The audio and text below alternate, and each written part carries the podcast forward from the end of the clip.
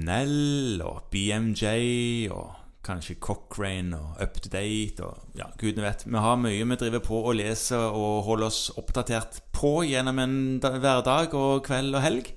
Eller, burde. Eller burde, ja. Og alle de tingene er kanskje ikke like tilgjengelige lenger heller. Vi har som vi har som- vi får enten vi vil det eller ei, i papirform hjem. Ja, Ja, Fordi at det henger sammen med abonnementet vårt i Legeforeningen. det gjør det. Ja, Det klarer du ikke å skille fra hverandre. Og det klarer man heller ofte ikke å få lest Ikke hele. Er det andre Nei. ting du abonnerer på som du ikke får lest?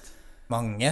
Ehm, men en ting som vi godt kan snakke litt om, er et, et kjekt lite blad som heter Utposten. Ja, Utposten, ja. Ja. Hva er det for noe greier? Ja, hva er det?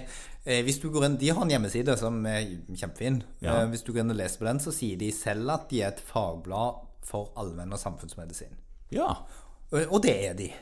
Ja så der, der kan du lese om ting som vedgår vår hverdag, da. Vår hverdag. Og det er egentlig ganske fint, for det tar i ganske stor grad pulsen på vår hverdag. Ja. Og skriver om ting som er praktisk nyttig for oss som, som fastleger. Og de har på en måte et litt sånn blikk ifra vårt perspektiv, og der tidsskriftet skal favne hele den norske legeforeningen, ja. eh, så er Utposten et blad for oss. Oss Ja. som er i primærtjenesten, oss som er i kommunene. Ja. Og der kan man skrive ting. Ja, for det, det er jo en ting altså, Du kan sende inn ting til redaksjonen der. Det er, en, det er flere redaktører der som sitter og, og Ja, Ja. Og, og, og da er det sånn at de kan ta en ting og noen ganger genererer de også, også dette selv, som kanskje er litt mer journalistisk og litt mindre fagvitenskapelig. Mm. Altså Som i litt større grad handler om legelivet. Ja.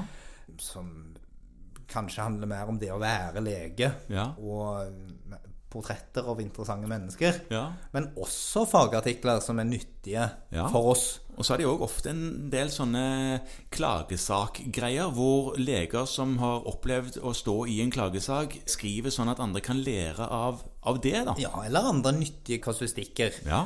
Sånn at det er et blad som for de som ikke har det, så er det nyttig å abonnere på. Så tenker jeg at når vi sier det om sånne tidsskrifter, så tror jeg ikke at noen av de skal leses fra perm til perm. det er ikke stive permer på dem, men det som så. Man skal bla litt i de og kikke litt i de, Ja. og lese det som er interessant og relevant der og da. ja.